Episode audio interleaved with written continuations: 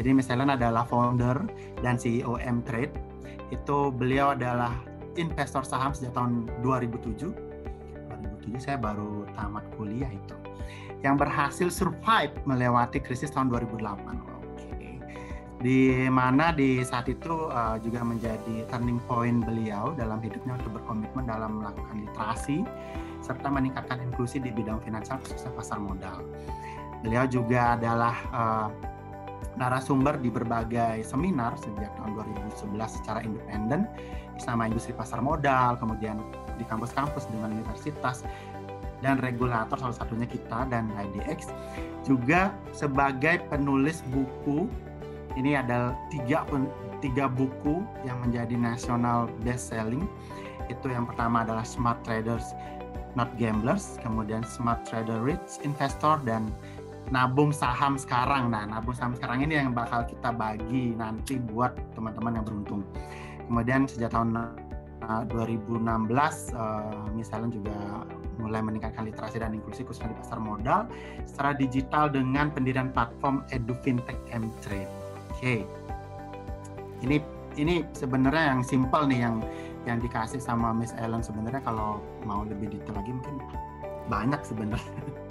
Miss Ellen apa kabar? Sehat? Kayak ya. sehat ya. Saya sehat selalu. Segar.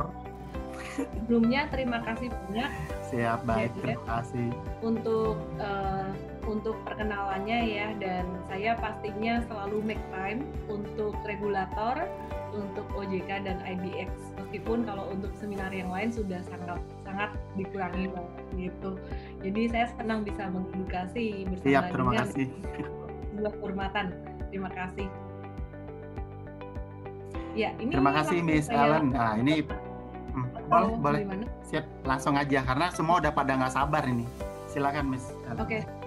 Ya, sebelum saya mulai materi hari hari ini, uh, saya mau mengucapkan terima kasih juga buat Ibu Justini Septiana, Deputi Komisioner Pengawas Pasar Modal 1 OJK, Bapak Giri Tribroto, Kepala OJK Regional 8 Bali dan Nusa Tenggara, dan juga halo Ibu Listiorini Dian Pratiwi uh, sebagai speaker ya sebelum saya tadi.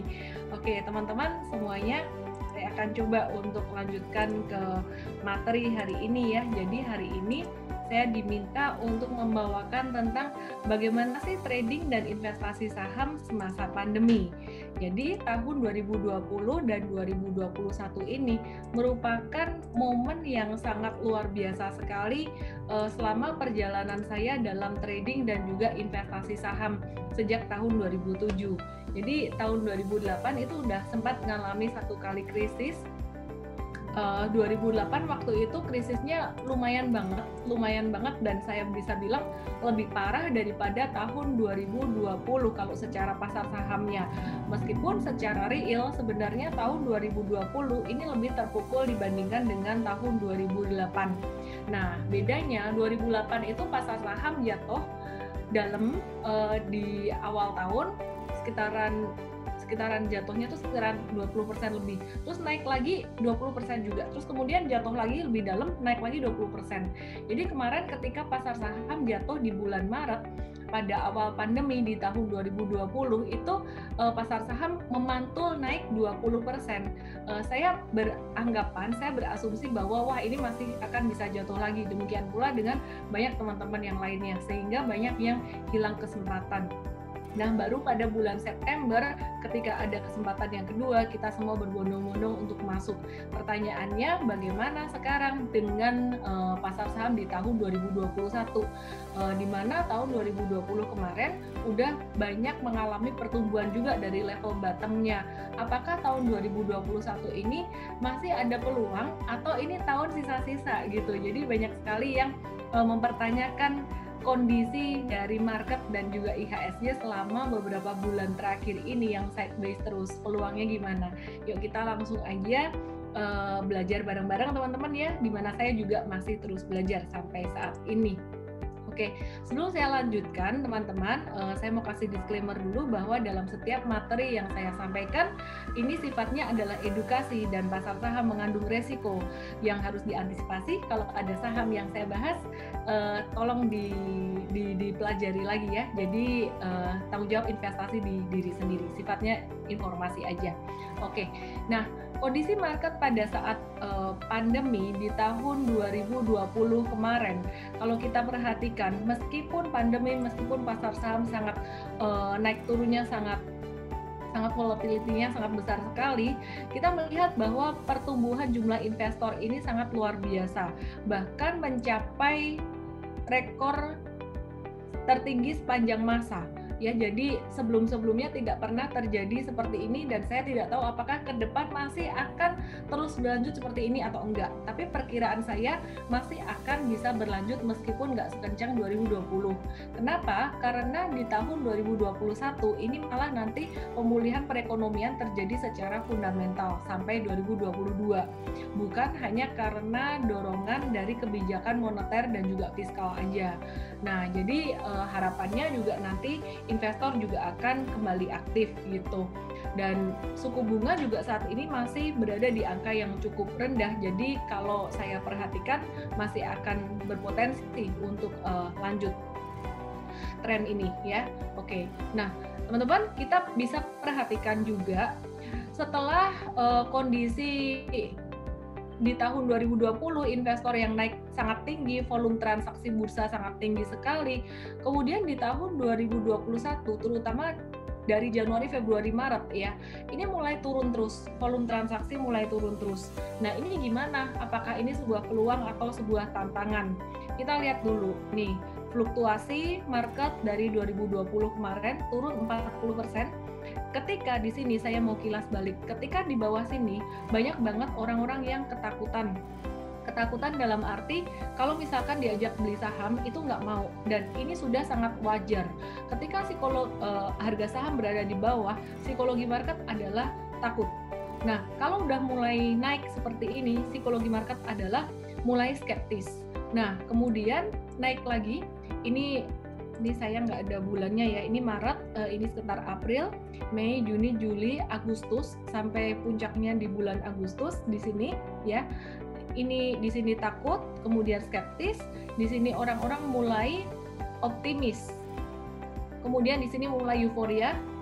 Nah, ini turun lagi, dikasih kesempatan yang kedua, jadi dia naik 35% IHSG, kemudian turun lagi sampai minus 10%, sampai di level bottom di bawah ini, dan sejak bulan September, bottomnya September Oktober sampai di bulan Desember, Desember Januari awal ya. Ini Januari di sini. Ini naik lagi naik lagi 35%. Saya bisa merasakan ketika di bulan Januari kemarin ini euforia market sangat luar biasa dan ketika uh, psikologi market lagi euforia, kita kasih tahu uh, bakalan bisa turun loh. Itu orang nggak percaya gitu. Jadi be very careful seperti kata Warren Buffett uh, be fearful when others are greedy and be greedy when others are fearful. Ini seperti sebuah satu quotes ini sangat hidup sekali buat saya di tahun 2020 kemarin. Karena saya saya begitu merasakan uh, emosi market yang benar-benar totally nantinya bisa kembalikan ya dengan kondisi yang sebenarnya.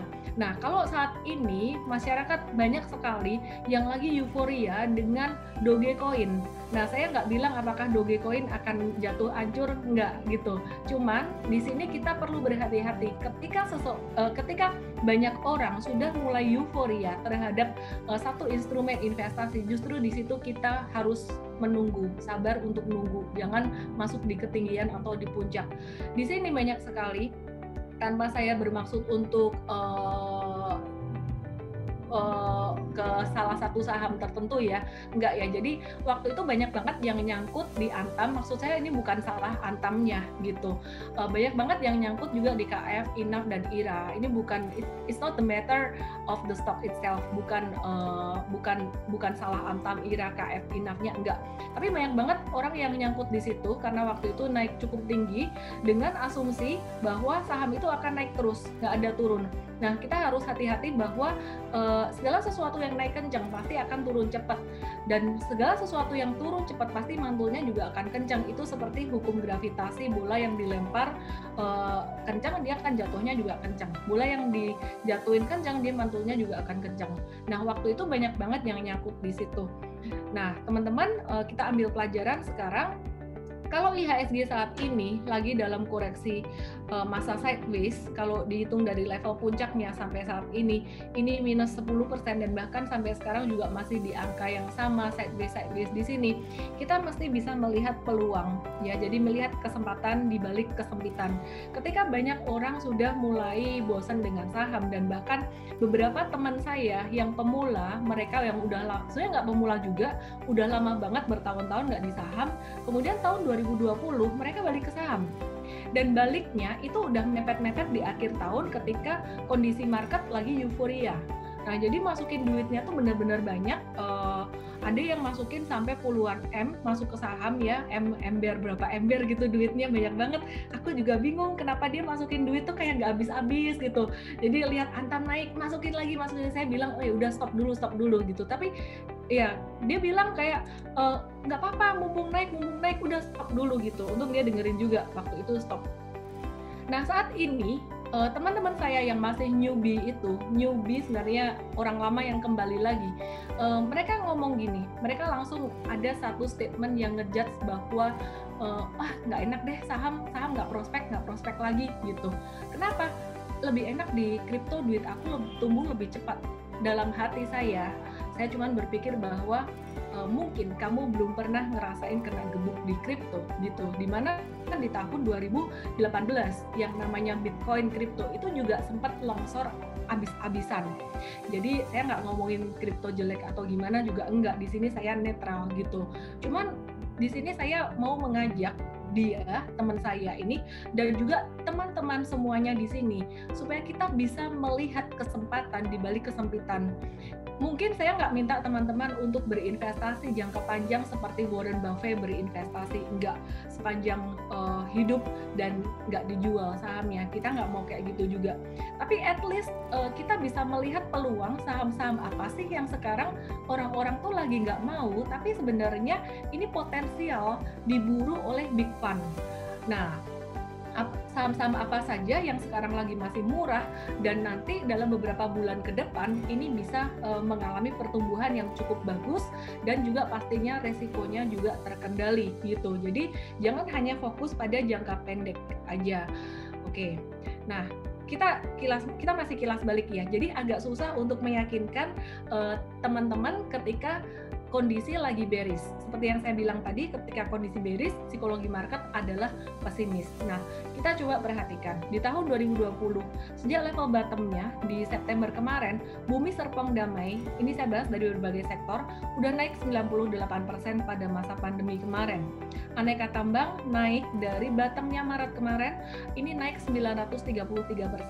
Jadi buat teman-teman yang sudah terhipnotis dengan cryptocurrency dan mengatakan saham gak prospek, itu salah banget it's all about timing. Saham kalau pas lagi timingnya bagus ya teman-teman bisa lihat sendiri. Ini antam grow-nya berapa.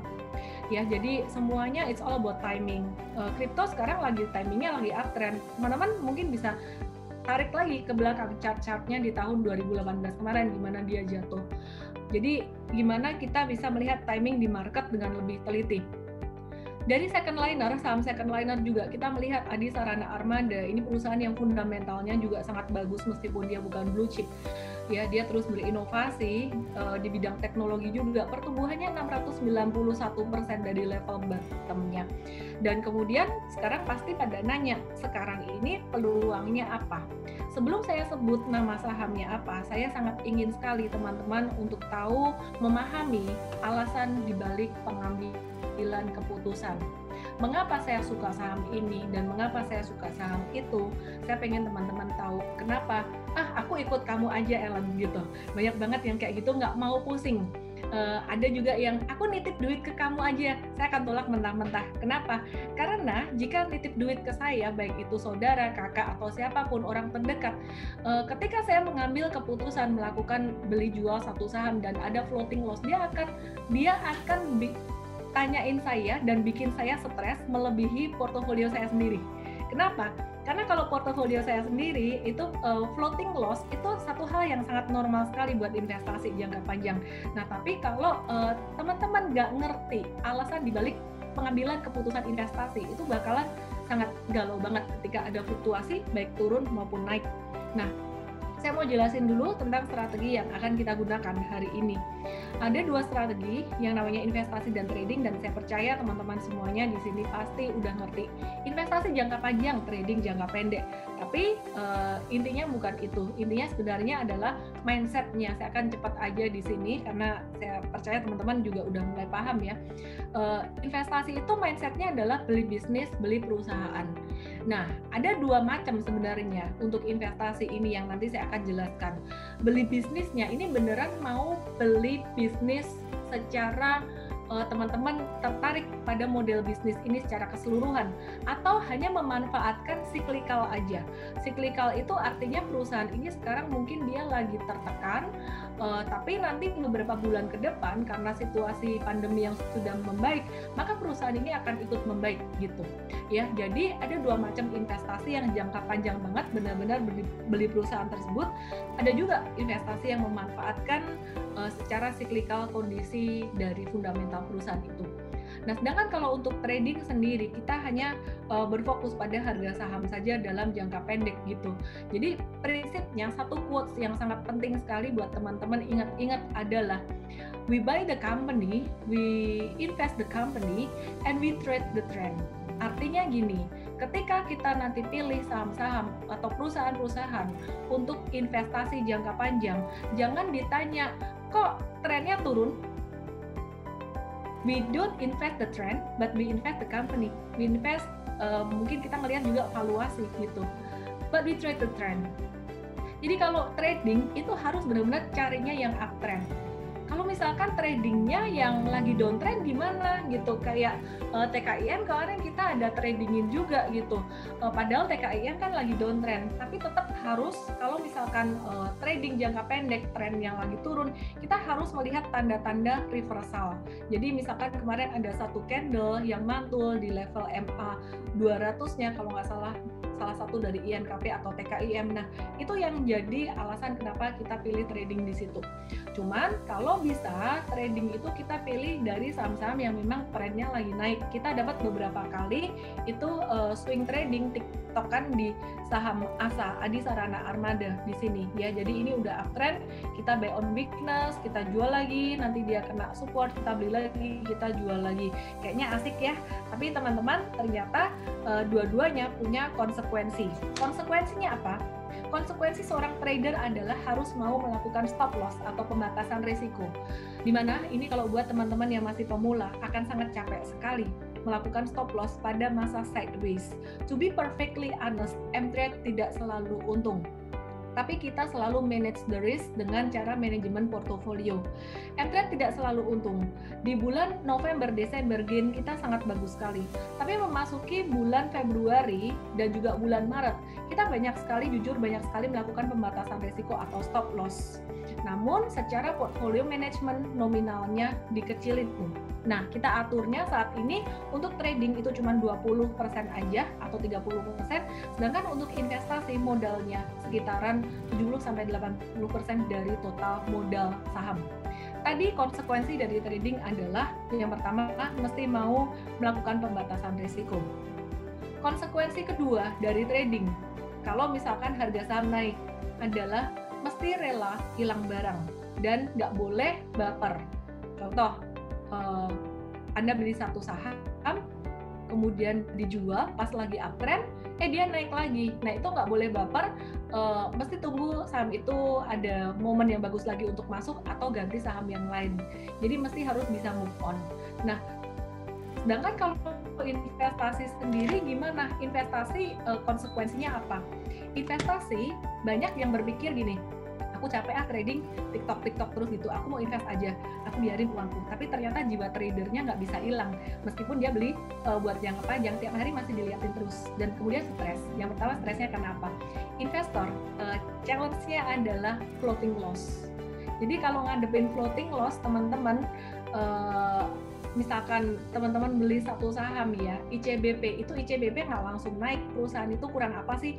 Perusahaan bagus banget fundamentalnya valuasinya sangat murah kebanggaan Indonesia Raya earningsnya juga cukup oke okay, ya. Dan dia inovasinya juga ada itu dapat semuanya. Tapi tetap aja dia harga sahamnya tuh nggak bisa yang sampai agresif naik Nah, sebagai seorang investor mesti kuat mentalnya, kuat imannya ketika menghadapi floating loss. Caranya gimana? Stres aku kalau lihat uh, saham-saham fundamental bagus ini turun gitu. Jadi to be honest juga, saya juga sempat dikomplain beberapa orang yang ngikutin Instagram live saya karena dulu sempat ngomong tentang ICBP. Makanya saya kasih disclaimer dan kasih uh, ilmu juga gitu uh, eh, ICBP, HMSP, di mana perusahaan-perusahaan yang fundamentalnya kuat ini kenapa turun terus? Nah, nanti saya akan cerita tentang penyebabnya. Tapi poinnya di sini adalah teman-teman kalau mau investasi jangka panjang harus benar-benar paham fundamental perusahaan, alasan dibalik pengambilan keputusan. Kalau enggak nanti pas lagi turun bisa galau mau uh, galau karena floating loss. Demikian pula ketika lagi naik, itu imannya nggak akan kuat untuk ngehold saham itu. Pasti ketika lagi naik nanti dari rencananya investasi pasti jadi trader dadakan yang trading tadinya uh, harus siap dengan cut loss atau pembatasan risiko, nggak siap cut loss, malah jadi investor dadakan. Nah, kita nggak mau itu. Oke, nah kemudian kalau uh, untuk investasi sendiri, kita ada dua macam seperti yang tadi saya ceritain, strateginya ada dua macam. Saya mau jelasin tentang strategi value growth investing dan juga cigar butt investing. Nah, saya mau jelasin dulu tentang strategi cigar butt investing ini. Strategi cigar butt investing adalah strategi yang digunakan oleh Warren Buffett di awal-awal banget masa dia berinvestasi. Dia belajar pada gurunya Benjamin Graham. Dan strategi ini kenapa dibilang cigar butt? Cigar butt itu kata Warren Buffett, uh, ada puntung rokok di tengah jalan dia ya istilah kata orang Amerika ya dipungut kemudian dinikmati puffnya terus murah udah enak terus dibuang gitu nah jadi ini sebuah analogi yang sangat pas sekali untuk menggambarkan saham-saham yang cigar butt saham-saham yang cigar butt itu gimana satu bisnisnya lagi tertekan. Bisnisnya lagi tertekan lagi uh, lagi pandemi lagi pokoknya lagi tertekan aja gitu. Kemudian nggak harus pandemi ya pokoknya bisnisnya lagi tertekan lagi uh, earningsnya mungkin minus, revenue-nya minus, valuasinya murah, PBV tidak harus minus satu, tidak harus uh, sorry, PBV tidak harus di bawah satu, tapi PBV dia itu PBV dia itu sangat murah sekali dibandingkan dengan tahun-tahun sebelumnya itu di bawah rata-rata bahkan bisa di bawah standar deviasi minus satu atau di bawah standar deviasi minus dua. Kenapa kita menggunakan PBV tidak menggunakan PE ratio untuk melihat valuasi dari perusahaan cigar butt ini?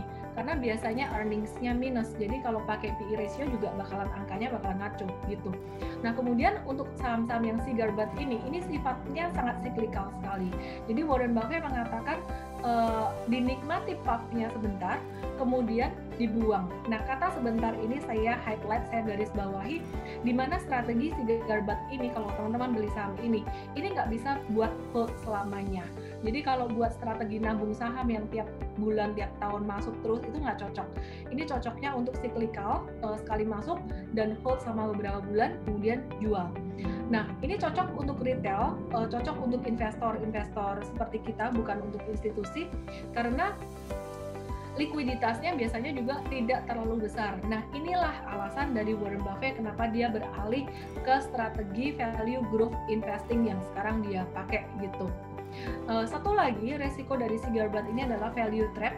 Kalau valuasi terlalu murah dan perusahaan itu tidak ada prospek ke depan, nggak ada secara secara projection minimal dalam satu tahun ke depan itu uh, nggak menarik, teman-teman bisa kena value trap murah tapi murahan nggak naik-naik sahamnya. Maka dari itu kita juga harus mesti lihat-lihat riset-riset dari perusahaan sekuritas itu sangat penting sekali. Uh, sekuritas itu kan dianggap sebagai sell side gitu. Uh, aset management adalah mereka buy side-nya. Nah, yang ngebuy ini mereka mau beli apa aja sih pastinya saham-saham yang banyak dibuat risetnya oleh sekuritas gitu. Jadi kita lihat di situ kalau misalkan uh, demand-nya banyak ya banyak yang buat riset uh, logikanya pasti juga ditawarkan ke buy side itu juga akan lebih banyak lebih menarik gitu. Oke. Okay. Nah, kemudian strategi investasi yang kedua. Kenapa Warren Buffett? Dia sekarang banyak menggunakan strategi value growth investing. Karena sejak tahun 1960 Warren Buffett ini dia mengembangkan Berkshire Hathaway dana kelolaannya tuh makin banyak makin banyak dan makin banyak. Sehingga dia nggak bisa lagi pakai strategi cigar butt yang saham-sahamnya ketemunya adalah saham-saham second liner yang likuiditasnya kecil jadi dia mesti cari perusahaan apa sih yang lebih sustainable buat jangka panjang uh, yang bisa dimasukin duit gede. Akhirnya dia ketemulah dengan teman-temannya uh, ada Philip Fisher dan Charlie Munger dan strateginya tuh ternyata di mix mix mix Warren Buffett akhirnya bilang oke okay, aku 85% value investing dan 15% uh, eh, growth investing. I think saat ini pasti lebih karena waktu itu uh, di tahun 19 40-an banyak banget saham-saham yang murah valuasinya habis the Great Depression masuk tahun 1960-an itu saham-saham valuasinya udah mulai mahal. Dan saya percaya sekarang juga kondisinya udah jauh berbeda dengan tahun 1960-an sehingga kalau saya perhatiin justru Warren Buffett ini lebih banyak growth investingnya ya dan masih ada value tapi kalau aku ngeliat tim dia banyak growth-nya. Terbukti dia ambil Apple sebagai salah satu portfolio terbesar dia gitu. Oke okay uh, value growth investing bedanya apa dengan cigar butt? Kalau cigar butt itu cigar butt dia hanya melihat valuasi aja dan uh, prospek ke depan dari perusahaan tersebut. Tapi kalau value growth investing dia melihat secara historical dari uh, dari profitabilitas perusahaan dan juga dia melihat bisnis model dan manajemen perusahaan. Nah, bisnis modelnya yang dilihat gimana? Warren Buffett sangat suka sekali dengan bisnis model dari perusahaan yang defensif, yaitu perusahaan-perusahaan consumer, uh, perusahaan yang produk barang dan jasanya tuh dipakai oleh masyarakat setiap hari. Which is kalau teman-teman cari di Indonesia, uh, kalau di US yang dia suka tuh macam McDonald's, Gillette. Kalau dulu newspaper, sekarang dia udah ganti ke Apple. Terus kemudian Eh, Coca-Cola gitu. Nah kalau di Indonesia teman-teman akan ketemunya seperti ICBP Indofood dan Unilever yang harga sahamnya nggak atraktif saat ini gitu. Oke, kemudian dia juga sangat melihat sekali manajemen perusahaan, cari perusahaan yang inovatif dan good corporate governance. Profitability harus stabil untuk value growth investing, bukan perusahaan yang uh, minus secara earning. Kalau misalkan turun pun nggak sampai perusahaan itu rugi. Nah, jadinya dapatlah dapatlah perusahaan-perusahaan blue chip. Kalau kayak gini dapat perusahaan-perusahaan blue chip, teman-teman. Uh, blue chip yang dicari pas valuasinya murah kapan. Nah, kalau untuk perusahaan-perusahaan seperti ini, ini uh, cocoknya tuh pas kemarin di bulan Maret 2020 kalau untuk bankingnya, banking sebenarnya cyclical ya. Tapi karena masuk ke bisnis model dan manajemennya bagus, profitability-nya juga masih terjaga. Seperti BCA waktu itu best momennya di Maret. Nah, cuman kalau uh, yang lain seperti GGRM, HMSP, ICBP, Unilever, percaya nggak percaya teman-teman sekarang ini adalah momen yang sangat paling-paling murah buat mereka gitu. Oke, nah saya mau sampaikan dulu untuk bedanya uh, value growth investing dengan cigar butt investing. Kalau value growth investing, teman-teman mesti siap untuk beli dan simpan perusahaan ini lamaan 3 sampai 5 tahun lebih lambat, uh, tapi perusahaan ini sangat kuat sekali dan risiko fundamental kecil. Istilah kata teman-teman kalau misalkan misalkan teman-teman ajakin teman yang lain berinvestasi masuk ke perusahaan ini nambung saham dengan strategi nambung saham untuk value growth investing. Itu cocok banget. Jadi caranya beli itu kayak nyicil-nyicil. Jadi kayak teman saya uh, dia tuh bilang wah ICBP mah kalau turun aku beli lagi dikit beli lagi dikit kayak gitu. Uh, Nah, kalau cigar butt, cigar butt ini holdnya mungkin sekitaran enam bulan sampai satu tahunan aja. Meskipun tidak menutup kemungkinan hold sampai lima tahun, seperti yang saya lakukan di tahun 2008 kemarin.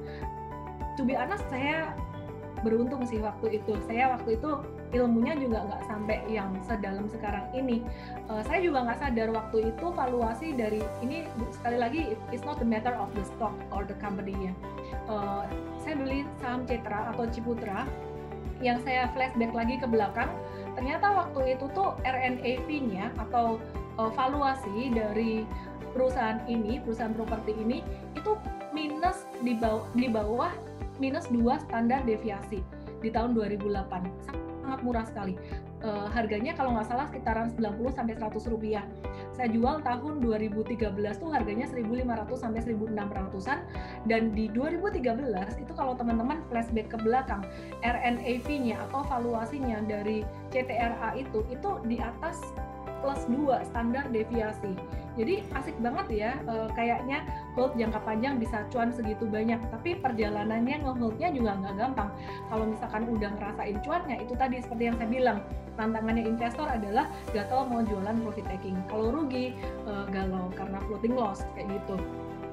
Dan bagusnya waktu itu, saya jujur aja, waktu itu saya lupa punya saham CTRA sampai tahun uh, beberapa tahun berikutnya saya lihat udah untung banyak ya ya ya udahlah biarin aja mau ngapain gitu ceritanya waktu itu saya cut loss saham bumi terus saya tuker ke CTRA ya selamat lah waktu itu uangnya balik di situ oke okay. sekali lagi bukan soal emitennya ya saham sejuta umat itu oke okay.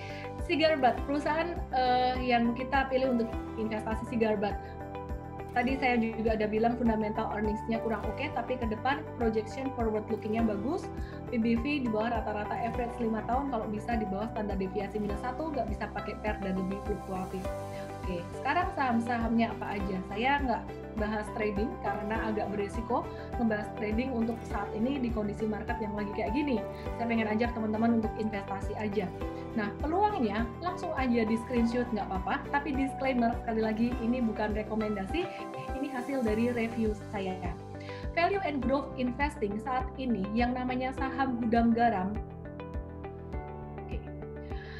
Gudang garam, ini PE ratio gudang garam 9,7 ya 9,7 bahkan kalau kemarin saya ini kayaknya uh, data ya data bulan Mei kemarin bulan Maret itu sampai menyentuh di bawah minus 2 standar deviasi. Jadi kuning ini rata-rata, abu-abu ini minus 1, ini minus 2. Perhatikan ya ini dari tahun 2016 2016 valuasinya gudang garam ini setinggi ini. Nih perhatikan aja chartnya, dekat standar deviasi plus 2. Sekarang dia di bawah standar deviasi minus 1 which is ini langka teman-teman. Saya cuma mau kasih tahu langka. Jangan sampai nanti tahun depan teman-teman akan mikir kenapa ya dulu aku nggak beli ini. Anyway, ini bukan perusahaan yang syariah, jadi kalau teman-teman mau cari yang syariah ya nanti. Dan saya nggak ajarin teman-teman untuk mendukung perokok, jadi ya ambil keputusan timbang-timbang lagi. Uh, eh, HMSP juga mirip dan dia malah lebih nyungsep valuasinya di bawah standar deviasi minus 2 teman-teman ya di bawah standar deviasi minus 2 HMSP jadi ini sampurna ya misalnya ya, oh oke okay. di sini banyak yang pemula ya oke okay. ini yeah. gudang gerak ini uh, HM Sampurna terus kemudian saya skip skip aja karena tadi perusahaan rokok-rokok agak-agak nggak ESG ya nggak environmental and social governance kayaknya agak kurang nyaman gitu oke terus nah ini ICBP ayo teman-teman semuanya yang lagi menghemat dan makan tiap hari Indomie bolehlah uang saku itu disisihkan buat nabung beli saham ICBP PE ratio-nya ini unbelievable murahnya uh, valuasinya. Kenapa saya pakai PE karena earningsnya masih positif. PE-nya 15 kali dengan average 23,5 average-nya di kuning dia PE-nya di bawah standar deviasi minus 2 jadi kalau teman-teman belum siap ngikutin Bapak Lokeng Hong yang beli perusahaan valuasinya terdiskon, tapi perusahaannya perusahaan second liner second liner yang teman-teman nggak kenal, mendingan jangan ikut-ikutan cari yang teman-teman udah kenal. Ini kan teman-teman udah kenal nih dan timingnya Indofood ya, ICBP Indofood ya. Uh, ya ini Indofood CBP ini lebih ke camilan-camilan snack-snack kayak hmm. Indomie, Citato, uh, Doritos kayak gitu. Nah ini Indofood, Indofood ini sukses makmur, uh, ini ibunya ICBP. Jadi ICBP tadi anak usahanya Indofood. Nah, kalau Indofood sendiri dia an, uh, anak usahanya macam-macam. Dia ada dari distribusi, kemudian dari hulu ke hilir semuanya ada gandum buat bikin mie-nya, kemudian ada uh, CPO, minyak-minyakan, SIMP itu juga di bawah Indofood uh, untuk bikin bimoli. Dan kemudian nah ini ibu-ibu rumah tangga nih mungkin uh, ICBP juga di bawah dia. Valuasinya dia murah banget juga di bawah standar deviasi minus satu. Dan perkiraan saya ini akan naik pada kuartal 2 tahun 2020 ini. Jadi ini kesempatan terakhir buat teman-teman semua. Dan Unilever selama bertahun-tahun dia nggak pernah nembus standar deviasi minus 2-nya. Dan kemarin tuh dikasih kesempatan di bulan Maret 2020. Sekarang dikasih kesempatan lagi. Jadi Unilever ini sangat-sangat nyungsep sekali baik valuasi maupun harga sahamnya. Kalau teman-teman mau menabur dengan time frame investasi 3 sampai 5 tahun, di atas setahun aja, di atas tahun ini udah uh, ada return, udah ada hasil. Kalau teman-teman nggak mau pusing trading, ini kesempatan yang sangat bagus sekali. Sekali lagi disclaimer, teman-teman jangan harap Unilever bisa naiknya seperti eh, saham-saham uh, yang teman-teman harapkan akan naik dalam jangka pendek gitu ya. Jadi trennya memang masih turun. Seperti yang saya bilang di awal, makanya saya framing dulu di awal tadi kalau investasi, investasi itu harus siap trennya masih turun gitu. Sampai kapan Unilever bottom? Uh, tidak ada orang satu orang pun yang tahu kedalaman market, tapi kita bisa memperkirakan secara teknikal Unilever ini support kuatnya di angka 5.475. Ini adalah bottomnya di bulan Maret kemarin. Apakah bisa ditembus ke bawah atau enggak? Agak susah rasanya ditembus ke bawah, tapi tidak ada yang tidak mungkin. Jadi dulu saya coba untuk edukasi di Instagram Live gak ada gambarnya eh ternyata ketembus ICBP waktu itu uh, di angka sekian sesuatu lah. Ketembus terus uh, pada bingung katanya nggak bisa ditembus? Kata siapa? Saya bilang secara probabilitas ini kemungkinan besar dia akan mantul. Dapat angka bottom banget teman-teman di sini. Ya jadi buat teman-teman yang mau investasi jangka panjang, misalkan yang takut, aduh jangan-jangan bisa turun lagi sampai 5000 masuk aja dikit-dikit dulu uh, masuk aja dikit-dikit nyicil-nyicil. Begitu dia turun nyicil. Turun nyicil. Kalau nggak turun nyicil juga tetap dibeli. Karena kadang-kadang ini udah di bottom nanti dia bisa bentuk seperti huruf V atau huruf W. Dia naik. Jadi teman-teman kalau nungguin turun bisa nggak dapat terus gitu Nah terus ini ICBP, Indofood CBP, ini dikasih kesempatan terakhir juga menurut saya, karena dia udah sempat bottoming, ini udah sempat ngebentuk satu huruf V, uh, ini dia berpotensi untuk membentuk satu V lagi, jadi membentuk pola double bottom. Jadi untuk ICBP ini juga kesempatan terakhir buat eh, teman-teman uh, yang mau invest jangka panjang, karena sekarang saham-saham yang valuasinya murah udah sisa dikit. Uh, pilih mana Indofood atau ICBP? Kalau saya pribadi pilih ICBP. Ini personal opinion. Teman-teman silahkan ditimbang-timbang ulang juga. Kenapa? Karena saya nggak terlalu suka perusahaan yang dalamnya isinya terlalu banyak macam-macam. E, kalau Indofood itu ada yang cyclical banget CPO. Kalau CPO harganya lagi naik, ya dia ikutan naik. Tapi kalau CPO-nya harganya lagi turun, dia juga bisa terpengaruh. Nah, sedangkan kalau ICBP lebih fokus ke makanan. Oke, kita akan lanjutkan untuk nah kemudian untuk yang siklikal gimana dong? Untuk yang siklikal saat ini udah susah banget buat saya untuk mencari perusahaan yang valuasinya murah. Jadi uh, di sini makanya saya tambahkan kata teknikal antara valuasi murah atau teknikal murah. Ada dong valuasi murah, tapi kayak TKI NKP uh, ini valuasinya udah hampir fair value, jadi kita melihatnya dari teknikal aja. Saya akan langsung aja tutup poin. Uh, disclaimer